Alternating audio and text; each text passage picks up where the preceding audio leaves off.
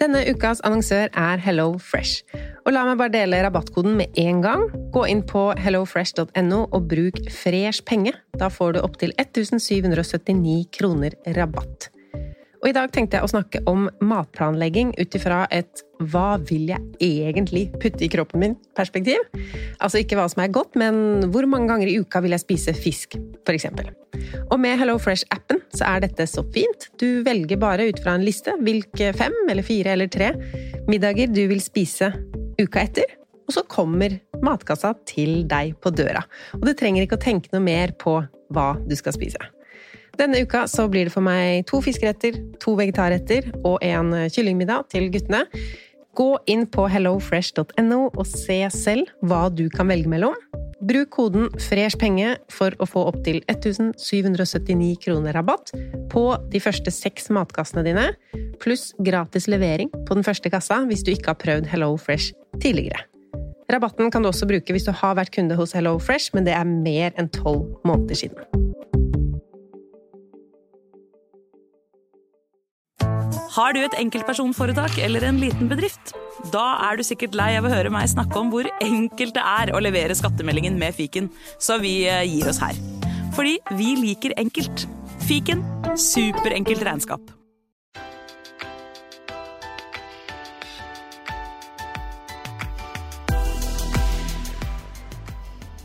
Velkommen til Pengesnakk podkast. Jeg heter Lise, og jeg har et samarbeid med Anifin i høst. Du ser at denne episoden er merket med reklame, siden det er hos Anyfin jeg har funnet dagens ekspert. Vi skal snakke om hvordan komme seg ut av gjeldsproblemer.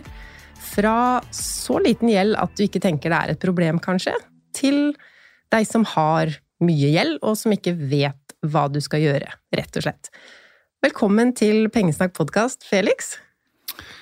Tack så mycket Lise. Väldigt kul att vara här idag och få prata lite närmare om ja, men privatekonomi och skulder generellt, men också om, om Anyfin. Då.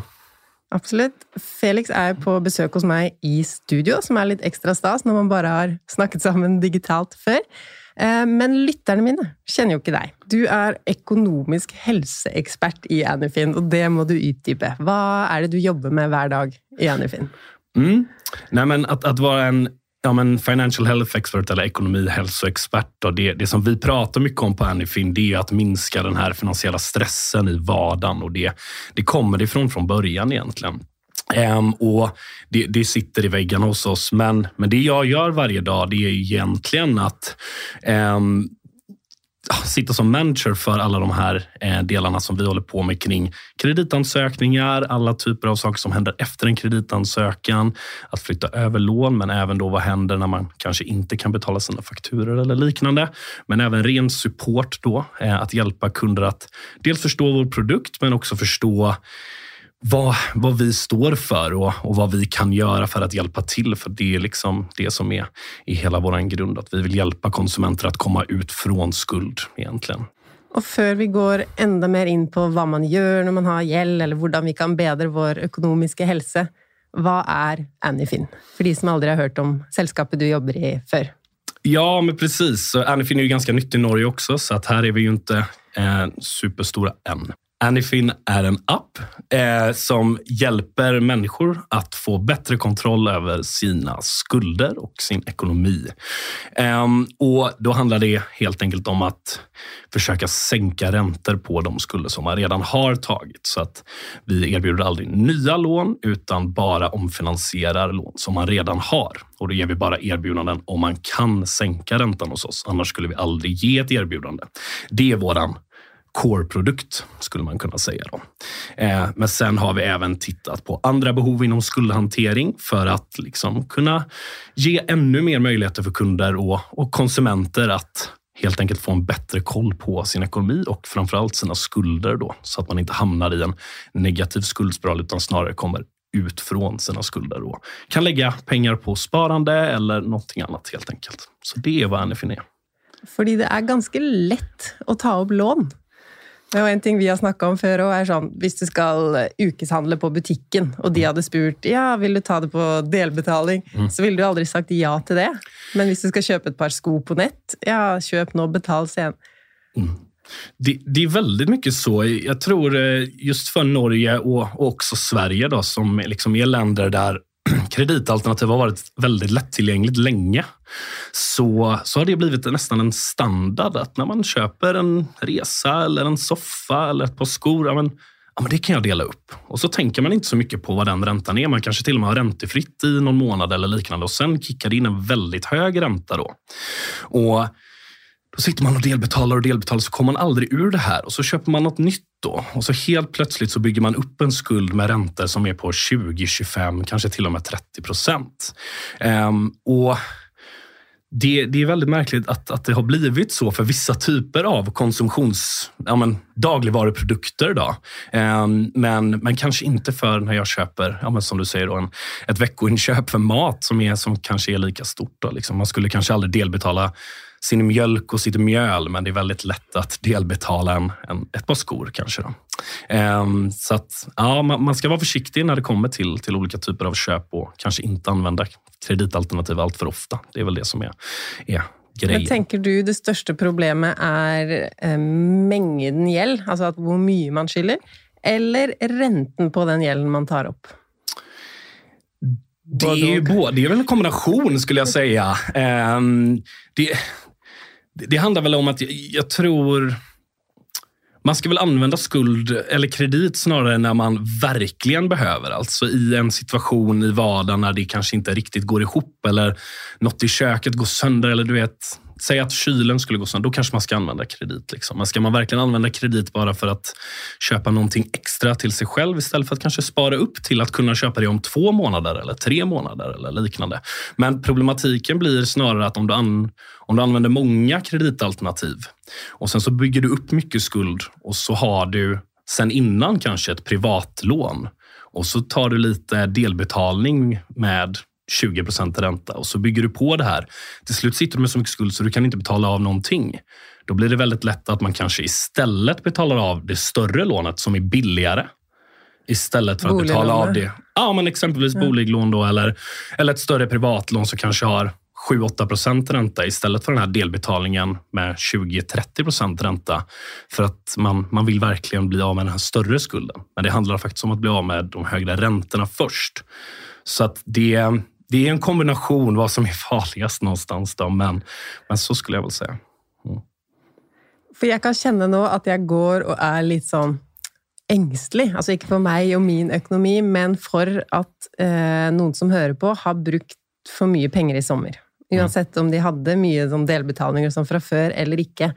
Så jag lurte på om vi kunde starta där, egentligen från det är ingenting som har förfallit kanske, det är inte någon inkassokrav. Eh, men man eh, vaknar kanske om natten och tänker, kunde jag bruka de pengarna jag brukade i sommar? Må man liksom gå tillbaka och få översikt bakåt i tid, tänker du? Eller kan mm. man kun tänka framöver för att få en bättre ekonomisk hälsa? Jag tycker absolut man ska, om man nu har använt mycket olika typer av kreditalternativ senaste månaderna under en semester för vad den kan vara, en resa kanske, så borde man verkligen titta upp och liksom strukturera upp för sig själv. Vilka typer av krediter har jag idag? Vad har de för villkor? Och få en tydlig översikt för att sen då börja titta på, okej, okay, hur ska jag betala av det här? Och tumregeln, det är att man betalar av skulderna med högst ränta först. Det det är grejen.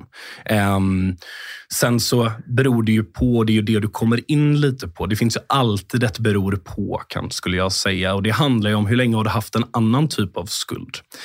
Um, den kanske måste betalas, men när scenariot var att man inte var nära inkasso eller liknande, då, då ska man titta på, okej, okay, eh, om jag har en kredit på 3-4 tusen med 25 procent i ränta och sen har jag ett privatlån på 50 000 och 10 procent ränta. Betala av den mindre skulden först och bli av med den. För att det är den som kommer, kommer kosta mest helt enkelt. Så det är bättre att bli av med den. Det virker så logiskt när du säger det, men så tror jag sånn i vardagen så är det sånn Boliglånet blir ju trukket, och om jag ska utsätta det, så måste jag starta en eller annan process. Mm. Men att bara inte betala hela kreditkortet, det är så enkelt. Mm. Så det känns ut som en lättare... Ja, att räntorna blir inte det första man tänker på.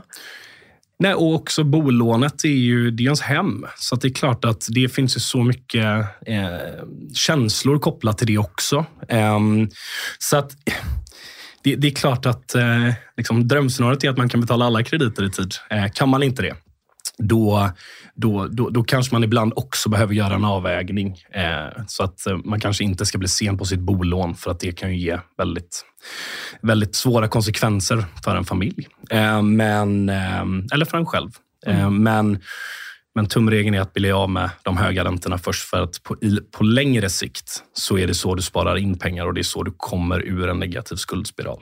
Eh, och ofta är det också så att när man har ett bolån så är det en, en bank som säkert har varit verksam lite längre kanske och de kan ha potentiellt lite mer överseende. Jag kan inte garantera att det är så. Men, men ofta kan de ha lite mer överseende om de ser att du har skulder på andra ställen och de ser att du betalar av dem. Okej, okay, då kan vi inom en snar framtid så är du helt ikapp igen.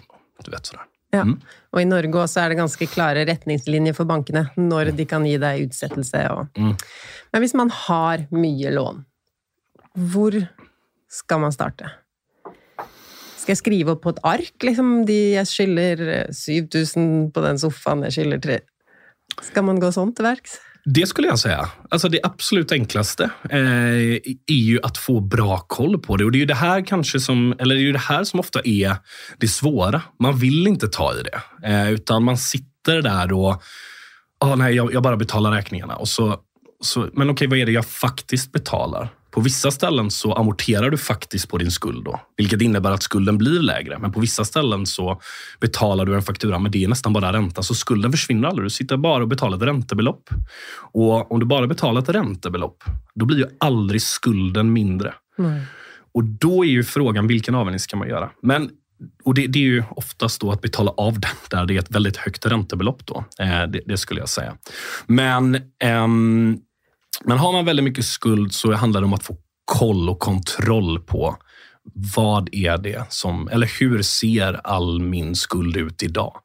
Och Det här är ju en produkt som vi har lanserat i Sverige nu, en skuldöversikt där du kan då lägga in alla, det där, alla de här olika skulderna som du har på alla ställen. Ja, kan så där hämta. kan du lägga in billån och... Precis, så vi ja. kan då hämta information men du kan också lägga in. Och så kan du lägga in de villkoren du har och då får du hela skuldöversikten just för att kunna se vad ska jag betala av. Och Det här är också något som kommer komma till Norge och som det ser ut nu så kommer det komma under hösten. Eh, sen product launches, liksom, man vet aldrig, men det är målet. Och För det idag så kan du se kreditkort, förbrukslån, den typen av ting. Ja, det ja. kan du se. I, eh, vi, vi, det här släpptes bara för tre veckor sedan i Sverige, så det är väldigt nytt. Men, men just det här att få en skuldöversikt eller en debt overview, mm. det, det är någonting som, som vi tror att konsumenter verkligen behöver och någonting som vi är övertygade om att folk kommer att vara väldigt nöjda med. Då. Eh, och eh, Att verkligen kunna se vad är det som händer. För att just det här vi pratar om, då, hur ska jag göra? Ska jag skriva på ett ark? Ska jag använda Excel? Hur ska jag få koll på allting? Kan vi göra den processen lättare, då kan vi minska stressen för ekonomi också. Mm. Det är vi övertygade om. Så att det, det är en viktig del, att få koll på det. Ehm, och också förstå vilka villkor man har. Okej, okay, här är min kapitalskuld. Det här är min räntesats. Hur lång tid betalar jag den här på? Kan man prata med de här aktörerna och kanske se om man kan ändra någonting. Eh, ofta är ju räntor svårt att förhandla om just nu, eh, just för att ränteläget har blivit väldigt högt. Så att, eh, det, man, men man kan alltid försöka och det är någonting som jag gör regelbundet och jag vet inte, gör du också det Lisa kanske? Jag vet Absolut. Ja. det var jag följa med på. Och det här med att räntan är så viktig, för det kan ju vara en faktura som är 900 kronor i månaden som ja, den är så liten. Men att se på renten så er det kanskje det dyreste lånet du har, selv om mm. fakturaen er lav og det ikke kjennes Akkurat det der tror jeg er noe man må bli flinkere på å se. Verkligen. Eh, det där är ju ofta den största boven i dramat. Att eh, man vill gärna kanske gå till en låneförmedlare eller omfinansiera sitt lån hos någon för att sänka månadskostnaden snarare än räntan. Och I vissa fall kanske man måste göra det och för att komma ikapp och kunna hantera det. Men det, det är också så man hamnar kvar i skuld. Um, och det, det, är just det vi vill motverka. Då, så att när någon söker hos oss eh, på Anyfin, då är det ju väldigt kopplat till att bara sänka räntan. Eh, kan vi sänka räntan, nu ger vi ett erbjudande, men vi kommer inte tumma på månadskostnaden. Den kommer vara samma. Vilket innebär att du betalar av skulden snabbare då. För vi vill att man ska bli av med skulden. Vi vill inte okay. att man ska vara kvar Det må vi ta en gång till. Ja? När man refinansierar mm. så är det några sällskaper som drar det ut i tid. Mm. Mens hos Anyfin så senkes renten uansett. Du får ikke et tilbud hvis du ikke senker renta. Precis. Men du betaler inn like mye på hvert lån hver måned, sånn at løpetiden blir kortere, for du betaler mer ned på lånet. Precis. Ok, bra. Så att det är, det är liksom grejen. Vi vill inte sänka månadskostnader för då blir det ja, en längre kreditprocess. Då blir det mer ränta och då blir det helt enkelt mer att betala. Sånn, Tiden er en faktor, ja. En jätteviktig faktor skulle jag säga. Kanske den viktigaste eh, på vissa sätt. Mm. Tiden og renten. Ja. Men tenker du at refinansiering er bra for alle som har gjeld? Nej, det skulle jag inte säga att det är. Eh, och den största anledningen till varför det inte är bra för alla, det är för att vissa skulle faktiskt kunna hantera sin skuld som de har idag på något sätt. Eh, och refinansiering, det är ett väldigt brett begrepp. Liksom. Eh, I vissa fall, då, det som som jag pratat lite om här innan, det är ju att man refinansierar för att få ner en månadskostnad trots att man kanske inte behöver. Eh, då sitter du i skuld längre och betalar mer. Då. Eh. Även om du tänker att nu har jag gjort något smart. Eh, precis, det är ju precis som att tänka, ah, gud vad bra det här blev. Liksom. Eh, och man kanske har till och med sänkt räntan men man har förlängt lånet med tre år. Ja, men då betalar du ändå mer. Eh, så att det, det handlar om att ha eh, liksom bra det handlar om att ha en översikt och en bra koll på vad är det jag faktiskt betalar. Och sen utifrån det, då, om du har, låt oss säga att du har tre stycken olika typer av lån. Då. Du har ett kreditkort och så har du en delbetalning och så har du ett privatlån. Då. Eh, men du äger inget hus eller en bostad. Och då betalar du ja, men någonting för alla de här. Då. Ehm, men om du då har koll på att här betalar jag 10 procent, här betalar jag 15 procent och här betalar jag 20 procent i ränta och jag betalar det på 24 månader, 36 månader och 100 månader. Okej, okay, kan jag betala det här snabbare? Hur skulle jag kunna göra det? Om det inte går, okej, okay, kan jag titta över mina alternativ? Och där kan ju exempelvis en låneförmedlare vara bra för att de faktiskt har avtal med väldigt många olika banker och kreditgivare. Då kan du få koll, okej, okay, kan jag göra något åt det här? Men då gäller det att vara ganska hård mot sig själv också. Att jag vill inte gå in här för att förlänga min kredittid eller sänka min månadskostnad bara för att. För att det känns bra och det kanske känns smart och ja, men det är skönt. Utan vad kan jag betala på månadsbasis? Okej, okay, då försöker jag göra det så att jag blir av med de här skulderna liksom, så snabbt som möjligt. Det skulle jag säga. Så att refinansiering det är inte för alla, men det är ett väldigt bra sätt att förbättra sina villkor. Men om man försämrar sina villkor, ja, då kan man ju hamna i en ännu mer negativ skuldspiral och det är ju det farliga i det. Och också att man tänker, nu har jag löst problemet. Nu tränger jag inte att forta mig, eller nu tränger jag inte att fokusera på den gälden, för nu har jag... Mm. Tänker du att det är något som är bra lån och något som är dåligt lån? Och vad är i så fall bra och dåligt lån? Ja, men det, det, skulle jag väl säga. Jag tycker eh, att, um, att köpa saker på kredit bara för att köpa saker, det, det är väl ett, ett, sämre, ett mindre bra lån. Så kan man väl säga. Eh, här köper jag liksom saker över min inkomst eller mina tillgångar bara för att jag vill ha den här extra jackan eller den här lite finare soffan eller vad den kan vara. Ehm, så det, det, är väl ett lite, lite sämre lån skulle jag säga. Men om eh, spisen går sönder eller kylen eller frysen går sönder, eh, vilket du kanske måste ha i ett hem då, eh, då kanske man måste ta ett lån för att hantera det. Och då skulle jag säga att det är ett bra sätt att, att ta ett lån då. Men då ska det också vara utifrån de förutsättningarna man kan betala och sådär. Och också undersöka, är delbetalningsalternativet i butiken den bästa må måten att låna till det kylskåpet? Nej, det behöver det verkligen inte vara. Eh, jag, jag, skulle ofta, det, det som händer i varje fall eh, från min erfarenhet från varuhus kring hemelektronik eller inredning eller vad det än kan vara, som är väldigt vanligt att köpa på kredit i Norge. Eh, vi gjorde faktiskt en undersökning med Anyfin på det och väldigt många har gjort, nästan 50 procent känner sig väldigt trygga och har gjort det ja. med hemelektronik och inredning och möbler. Eh, vilket är, liksom, touchar mycket på det vi har pratat om, att där känns det okej okay att ta lite kredit. Men att göra det i butik, det som de ofta gör, då, om vi säger att du köper en TV för 5 000 kronor, så säger ja, men vi kan ge dig 12 månader räntefritt. Och så lägger de 500 kronor i uppläggningsavgift plus 30 kronor på, ett, eh, på ett, en fakturaavgift, ett gebyr tror jag det heter till och med på norska. Va? Mm. Um, Okej, men vad blir den räntan då? Ja, men 500 kronor på 5 000, det är ju, bara 10, det är ju 10 procent bara där upfront. Så det är, det är en rätt hög effektiv ränta plus 30 kronor i månaden per år. Det blir 360 kronor på ett år. Eh, då har vi 860 kronor på 5 000. Vad, är, vad blir det då för kostnader? Ja, det blir ju cirka eh, 17 procent i ränta då, trots att det var räntefritt inom citationstecken. Så att då kanske man snarare kan se, men har jag ett kreditkort som är billigare då, man måste använda det. Eh, eller eh, kan jag, kan jag låna av, av min bank för det här med tanke på att det är en oväntad eller oförutsedd utgift. Då, då kanske man kan göra det och då kanske man får 10 ränta. Mm. Eh, men det här med räntefritt är ju ofta något som, som många lockar in med. Men vad är det för avgifter du faktiskt betalar? Det är väldigt lätt att glömma dem. Um, och De här dolda avgifterna, det är ofta det som verkligen gör skillnad i slutet. 30 kronor på en faktura, det låter som ingenting, men betalar du det i tre år, då är det ganska mycket. Mm. Och Det finns många exempel på det. Mm. Um, och många av de som hör på här är ju um flinke på økonomi og er opptatt av økonomisk helse, som du. Mm. Eh, og at det handler mye om trygghet og forutsigbarhet og å være i forkant. Mm. Og da er vi jo inne på bufferkonto, mm. som noe av det første jeg ville tenkt på, som også kunne lønt seg når man trengte det her kjøleskapet. Hva tenker du om eh, bufferkonto? Er det noe eh, du som liker å snakke om? Altså, buffert er jo det är ju en, en, det är en nyckel skulle jag säga i vardagen för att inte behöva använda andras pengar för att betala någonting. Ehm, så att det, det, är ju någonting att använda för just en oväntad utgift. Ehm, det ger, precis som du var inne på, en trygghet. Du är i förkant. Du behöver inte ligga sömnlös utan du vet att jag har en buffert för om någonting händer.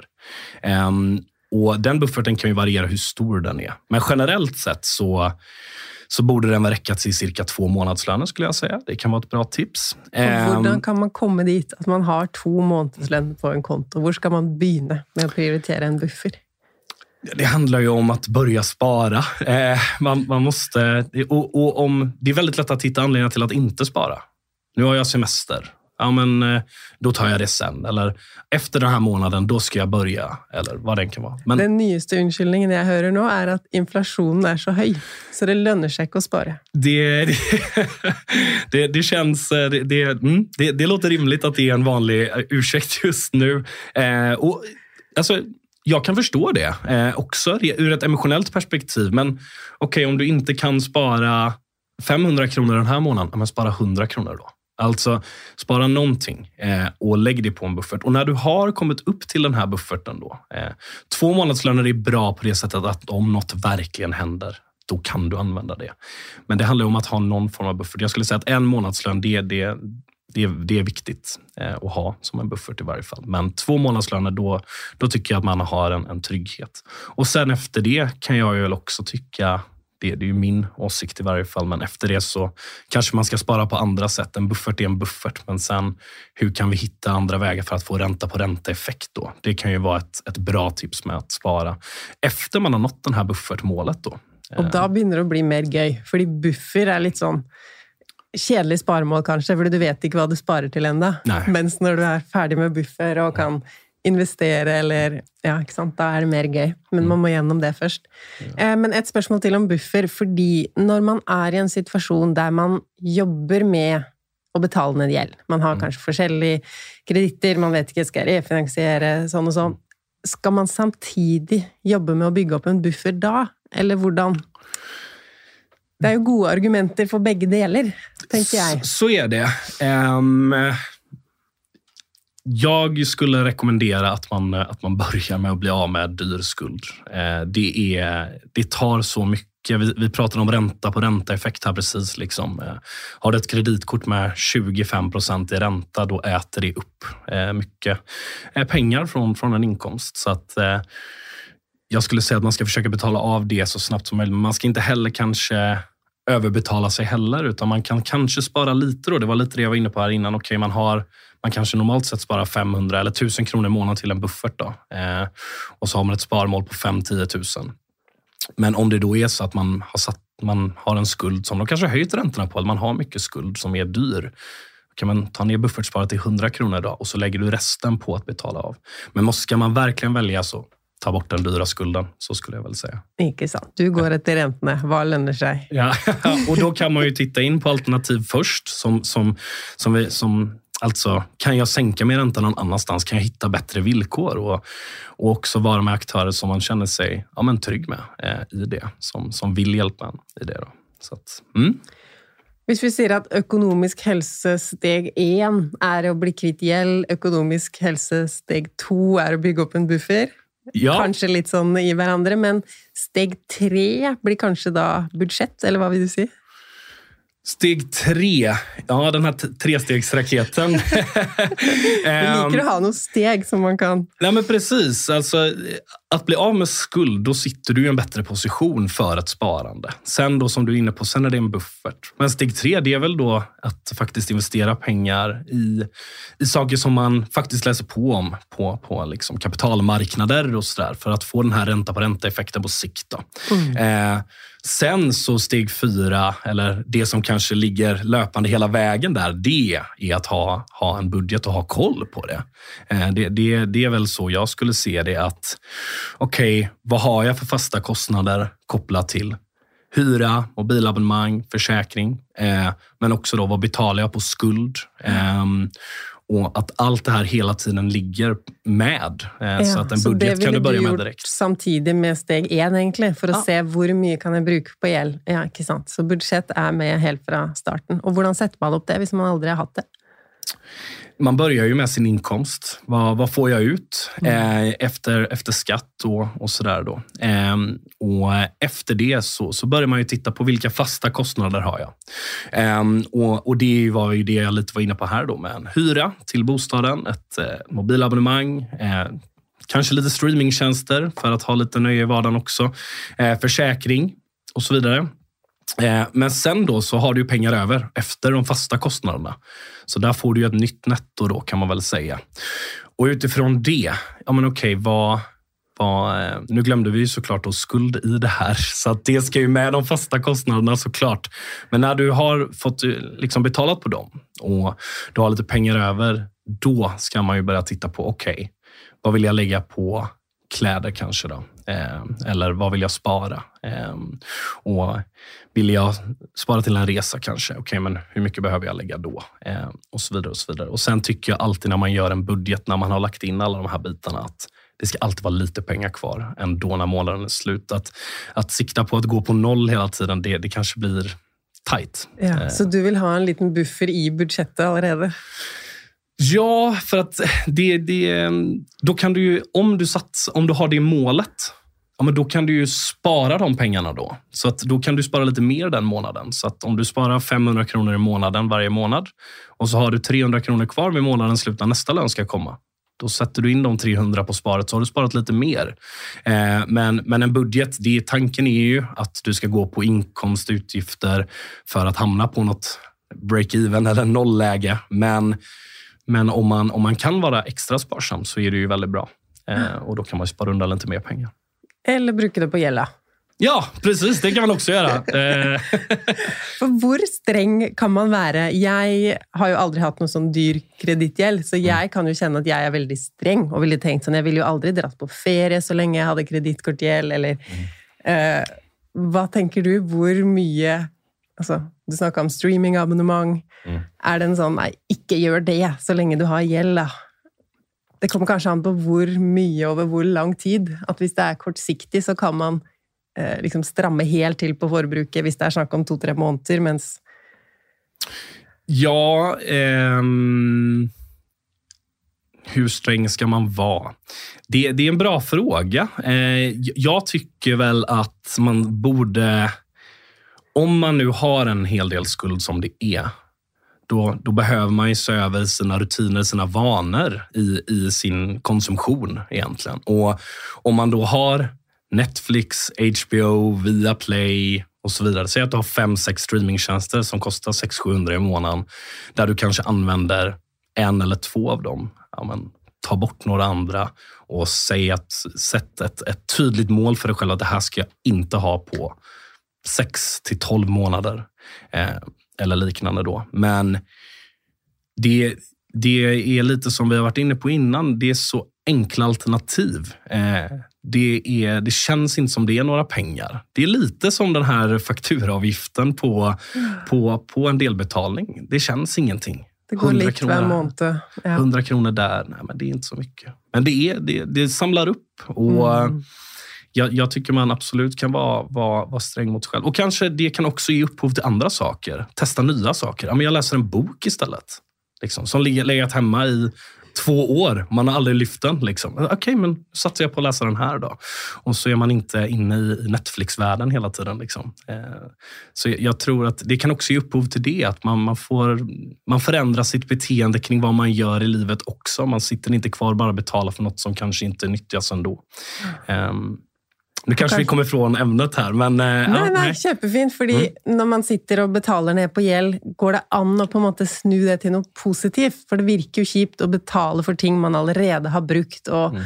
åh, man blir ju väldigt sånn, tynget av dyr gjeld. Mm. Men går det an, tror du, att laga det lite som en sport? Liksom, jag ska betala ner lite raskare eller ska se på olika ting.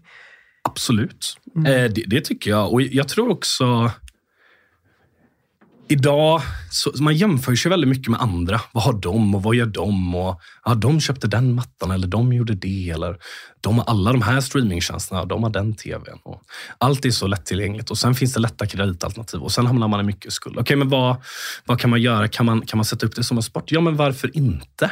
Eh, tävla med dig själv. Försök prata med dina närmsta vänner om att ska vi se vem som kan faktiskt spara in mest pengar nu. Det, det är väl ett jättebra sätt att motivera sig till det. Ehm, jag tror det, det svåra med det är att det ofta finns mycket skam kring, kring skuld. Ehm, och, ehm, eller det vet man till och med, att det finns mycket kring det och då är det svårt att prata om. och det är ju det, det absolut viktigaste som, som, som är ju att man måste våga, våga öppna upp sig kring de här bitarna och man måste på något sätt få ner den här stressen eh, kring, kring ekonomi. Och det är väl just det vi försöker göra, alltså någonstans med, med Anyfin. Då, att vi vill ju att det ska bli transparent, vi vill att det ska bli rättvist. Vi gillar inte standardiserade räntor utan man ska hitta sätt att, att kunna minska sin stress. För när man minskar stressen då är det lättare att hitta nya vägar för att dels komma ur skuld men också spara. Då. Eh, så att det det är ju tanken. Du sa att i Anyfin så har dere ikke en rente som är lik för alla lån, eh, och heller inte alla personer. Är det så att om jag söker om att få refinansierat en faktura mm. Och en annan söker om detsamma, så får inte vi samma ränta ni skulle kunna få samma ränta, yeah. men, men det är inte tanken. utan Vi, vi gör ju en, en kreditbedömning eh, och utifrån den kreditbedömningen så, så tar vi en kreditupplysning och vi samlar in lite uppgifter, vilket alla kreditgivare eh, måste göra. Eh, alltså göra en, en kalkyl på vad är din inkomst, vad är dina utgifter eh, och också vad har du för experience score eller, eller sådär. Och utifrån det då så, så bedömer vi ju faktiskt risk. då. Vad, vad kan vi ge den här personen för ränta? Och är det en person då med, med lite högre inkomst och, och eh, inga lån, eller bara ett lån då, som de vill omfinansiera, eh, då, kommer ju, då är ju risken lägre. Då blir det ju en lägre ränta då, helt enkelt. Kommer det in en person med väldigt mycket skulder eh, och lite lägre inkomst, då kanske räntan blir lite högre. Eh, men det blir ju en rättvisande bild av vad, vad, hur ser det ut helt enkelt och vad kan vi erbjuda för räntor här då? Eh, och det är ju egentligen så som, som i princip de, eller det, det gör ju de flesta kreditgivare och banker. De tittar ju på det och sen så sätter de en individuell ränta för den personen utifrån de här olika uppgifterna. Då. Men andra bolag, de sätter ju en ränta för alla. Eh, och det kanske, då blir det kanske ofta att man tar en högre ränta för alla Um, och det är, är väl det som vi inte tycker är så schysst. Då. Men, men sen så... Eh, och det, det är väl just det som är, är det absolut viktigaste med, med vår tjänst. Det är ju att vi ger ju bara erbjudanden om vi kan sänka räntan. Det finns aldrig avgifter på våra fakturer eller uppläggningsavgifter, utan kan vi sänka räntan och även ta bort en avgift, och så vidare, då ger vi ett erbjudande. Eh, men annars gör vi inte det. Ehm, och det är ju också då för att pressa ner de här räntorna gentemot marknaden. Varför ger vissa bolag 25 procent ränta när de skulle kunna ge 12-13, även om det är en väldigt hög ränta? Varför ger de inte 12-13? Varför fortsätter de ge den här räntan som är väldigt hög? Då? Det, det vill vi bort från. Men hur tjänar Anyfin pengar? Du säger att ni inte har några gebyrer. Mm. Vi, vi tjänar pengar på, på räntor. Um, så att det, den räntan som man betalar på den skulden som man har omfinansierat hos oss, eh, det är ju våran intäkt. Det är det enda vi tjänar pengar på då. Och där är väl eller där är ju, är ju vår idé av att om vi kan sänka det för kunden så kommer de ut ur skuld snabbare. Men därifrån kommer våra inkomster helt enkelt. Och om jag har flera lån, hvis jeg, skriver opp den lista vi snakka om, om det er i Excel mm. eller på et ark, her har jeg fem ulike lån med forskjellige renter, sender jeg alt inn til Anufin for å få det refinansiert samla til ett lån, eller hvordan fungerer det? Så att vi gör ju en individuell bedömning på varje skuld som du skickar in. Um, och det innebär ju då helt enkelt att om du har ett eh, privatlån eh, och en, ett, en kreditkortsskuld då tittar vi på båda dem och sen så ger vi en individuell ränta på båda dem just för att kunna komma till en så låg ränta som möjligt för de bitarna. Då. Eh, istället för att sätta en ränta för allting. För Då går vi lite åt det här hållet som kanske andra gör. Ja. Eh, och Det blir liksom en samlad ränta där man ja, men vad är det egentligen? Då? Men kan det också vara så att ni säger det privata lånet ditt, Lise, där kan vi inte ge dig lägre ränta, men kreditkortgälden, den kan vi ge det här tillbudet? Ja, precis så kan det ju vara då. Så att om vi inte kan sänka räntan på ett lån, men vi kan göra det på något annat, då ger vi ju erbjudande på det lånet vi kan sänka räntorna på, men annars ger vi inget erbjudande, utan då får du ligga kvar hos, hos den banken där du är. Och det är ju ofta någonting som folk, de vill ju väldigt gärna samla allting Exakt, på ett ställe. Det hörs så dejligt att ha det samlat, men nu känner jag att det inte nödvändigtvis är en god idé. Det, det sköna med det är ju att du får en faktura. Det svåra med det är att du kanske betalar mer än vad du borde. Och Vi vill ju att man inte ska betala mer än vad man behöver eh, för ett lån. Och Det är därför vi har valt den modellen. Att eh, Vi vill se till att man betalar så lite som möjligt för att bli av med skuld. Och om vi då hade samlat ihop allting trots att vi kanske inte hade nått det, då, då hade det blivit märkligt eh, för oss. Då. Men, eh, men jag förstår det och i, i, både Norge och Sverige så är det väldigt vanligt att man vill ha samlingslån eh, och man tycker det är skönt. Och, i, och sådär. Men vi vill att man ska betala så lite som möjligt för de krediterna man har och då, då är inte det ett alternativ hos oss. Då. Så om du då Felix hade en del olika gäld nu, tänker jag kanske ska pröva refinansiera, varför ville du valt Anyfin? Jag räknar med du ville valt Anyfin sedan du ja. jobbar där, men vad är liksom... Mm. Ja. Nej, men det, det finns eh, några anledningar till varför jag hade valt eh, Anyfin. Och det är ju Först och främst så kan man inte ta nya lån hos oss. Vi vill inte bidra till mer skuldsättning, utan man kan bara omfinansiera. Det är ju en viktig del av, av det vi gör, så man kan inte lägga på ett till lån på det man gör. Nej, Sen, så du har inte sån ett en ting vi tillbyr är förbrukslån, en annan ting vi tillbyr är refinansiering. Det är kun refinansiering. Precis, det är endast eh, eh, refinansiering. Det är ju en, en viktig del av det. Eh, och Sen är det också att vi betalar aldrig ut direkt till kunden, utan vi betalar direkt till kreditbolaget eh, och betalar av den skulden och då är den skulden borta och sen så börjar den hos oss med en lägre ränta. Och Det är också den viktiga delen. Då. Vi ger... och varför är det viktigt? Det viktiga med det är ju att ibland då när man betalar ut direkt till kunder och jag har själv varit en sån eh, faktiskt. Att jag har fått ut ett lån till mig och så betalade jag av nästan hela det andra lånet. Och helt plötsligt då så har du mer skuld än vad du hade innan. Eh, och då hamnar vi i en negativ skuldspiral igen. Och därför är det viktigt att, man, att vi betalar direkt till en bank eller en kreditgivare. För att då finns inte ens den risken att man hamnar där. Så det är ju viktigt. Sen ger vi ju bara ett tillbud om vi kan sänka ränta. Och det är en rätt skön grej att känna att okej, okay, när jag går till Anyfin, om jag får ett erbjudande, då vet jag att då har de sänkt min ränta. Eh, det tycker jag är en, är en viktig del. Så att det finns lite olika saker då såklart, men aldrig några nya lån. Eh, vi betalar direkt ut det och när man får erbjudande så är det alltid en lägre ränta, helt utan avgifter. Så att det, det är de viktigaste anledningarna till varför jag har gått till Anyfin. Då. Sen jobbar jag där, så att, eh, jag gillar ju det ändå. Men ja, så ser jag det. Och sån rent praktiskt, du säger att Anyfin är en app. Vad gör jag in i den appen för att få refinansierat ett lån? Ja, precis. Man, man loggar ju in i, i appen då, i Anyfin-appen. Och eh, så väljer man helt enkelt att ansöka om att man vill sänka sina räntor. Och då hämtar vi info direkt från gäldregistret. Hoppas jag sa rätt där. Gäldsregistret. Gäldsregistret, exakt. Ehm, och utifrån det då så gör vi även en individuell kreditbedömning och då tar vi en kreditupplysning och så får man även skriva in lite uppgifter så att vi kan helt enkelt göra den här bedömningen. Eh, och efter det så, eh, så tittar vi på om vi kan göra ett erbjudande. Och kan vi det, då får du ett meddelande om det. Och kan vi inte det, så får du såklart också ett meddelande om det direkt i appen, men också via mail. Eh, men vi ger bara erbjudande om man kan spara pengar och om vi kan sänka räntan. Då. Och när man har fått det, då, eh, då väljer man om man vill acceptera eller inte. Och sen så flyttar vi skulden till oss och då betalar vi direkt till den här kreditgivaren då som man har haft skulden hos innan. Så att det kommer inte landa på kundens konto utan vi betalar av den direkt och efter det så skickar så kommer du få faktura av oss då till en lägre ränta och så betalar du av skulden snabbare för vi matchar ju månadskostnaden man har haft sen innan. Då.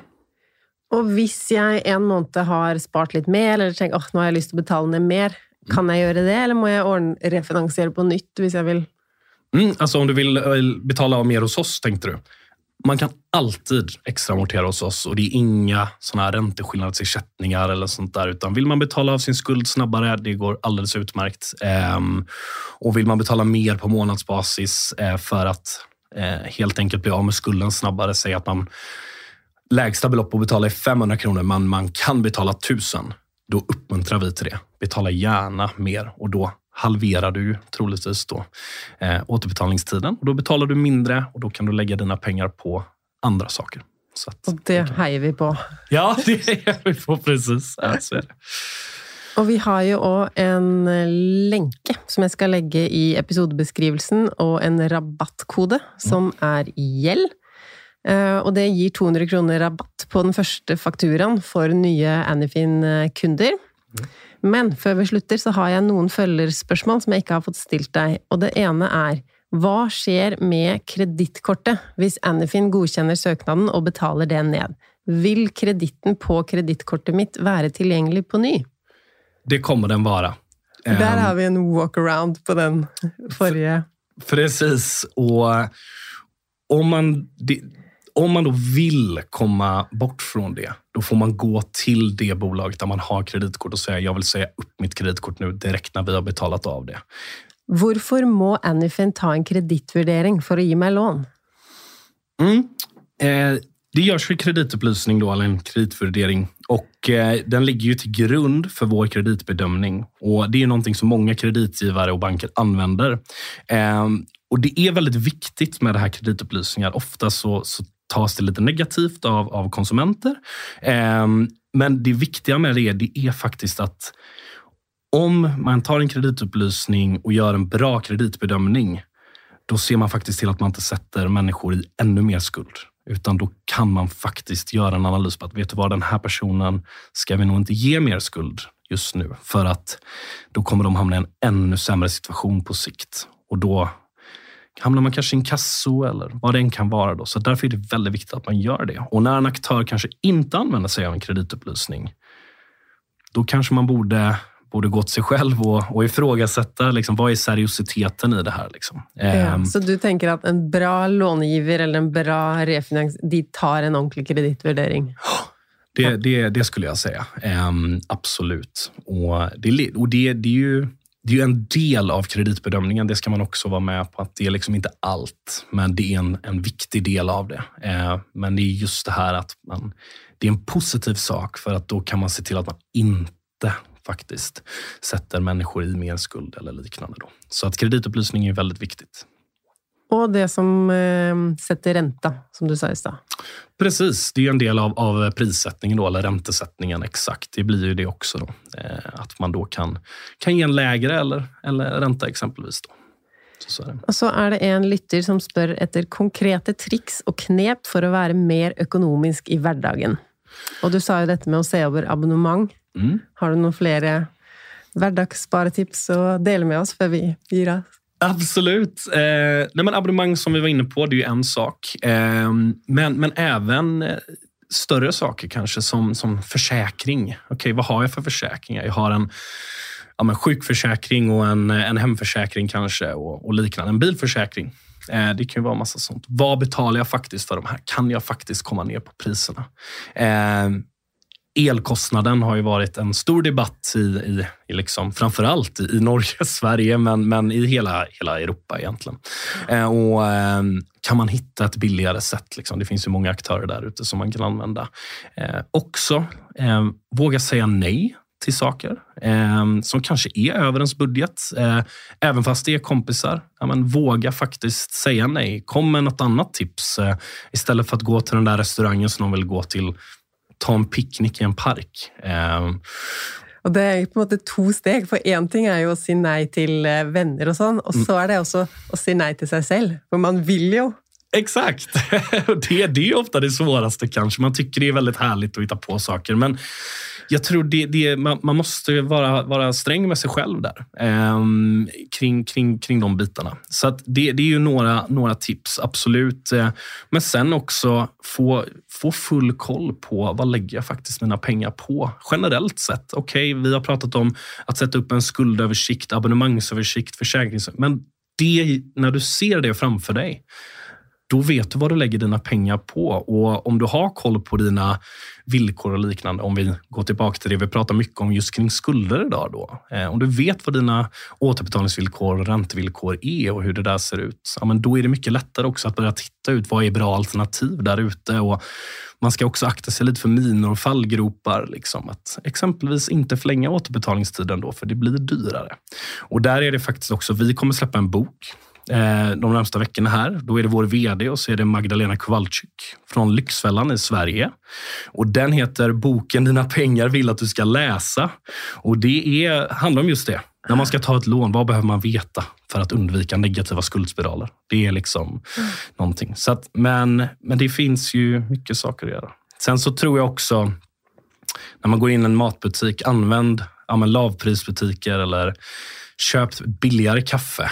Eh, liksom. Det finns massa saker man, man, kan spara in pengar på eh, för, att, för att dels då kunna betala av skulder men också spara på sikt då, för att få en trygghet i vardagen kring ekonomi och sänka den här finansiella stressen. Då. Det är ett gott poäng. Eh, och en sista ting jag, jag bara lurar på. Um, hvis jag ska sända in till Anyfin att jag, kan dere matcha räntan eller refinansiera den här? Mm. Hur hög må den räntan vara för att det ska vara någon vits? Skjønner du hva jeg mener? Har jeg et lån med 12% ränta, är det liksom för lavt? Må det vara över 20 Nej, men eh, har du 12 ränta så, så, finns det ju möjligheter att vi skulle kunna sänka den. Absolut. Ja, okay. Så men, det har gett lägre ränta än... Mm. Men det är upp till 200 000 i krediter som vi kan ta över. Sen om det är 10 krediter eller en kredit, det, det är vårt maxbelopp då. 200 eh, 000 per person? Per person, precis. Men då är det inte heller att vi garanterar att vi kan refinansiera 200 000 och det är en viktig poäng för att många tror att ja, men alla kan få 200 000, men så är det inte heller utan det går tillbaka till den här kreditbedömningen då. Hur mycket kan vi faktiskt hjälpa dig med? Ehm, men, eh, men exempelvis om man har ett, ett eh, bolån på 150 000 med 5 i ränta det kommer vi inte kunna hjälpa till med då. Eh, där, där ligger det så pass det lågt då, som det gör. Ja. ja.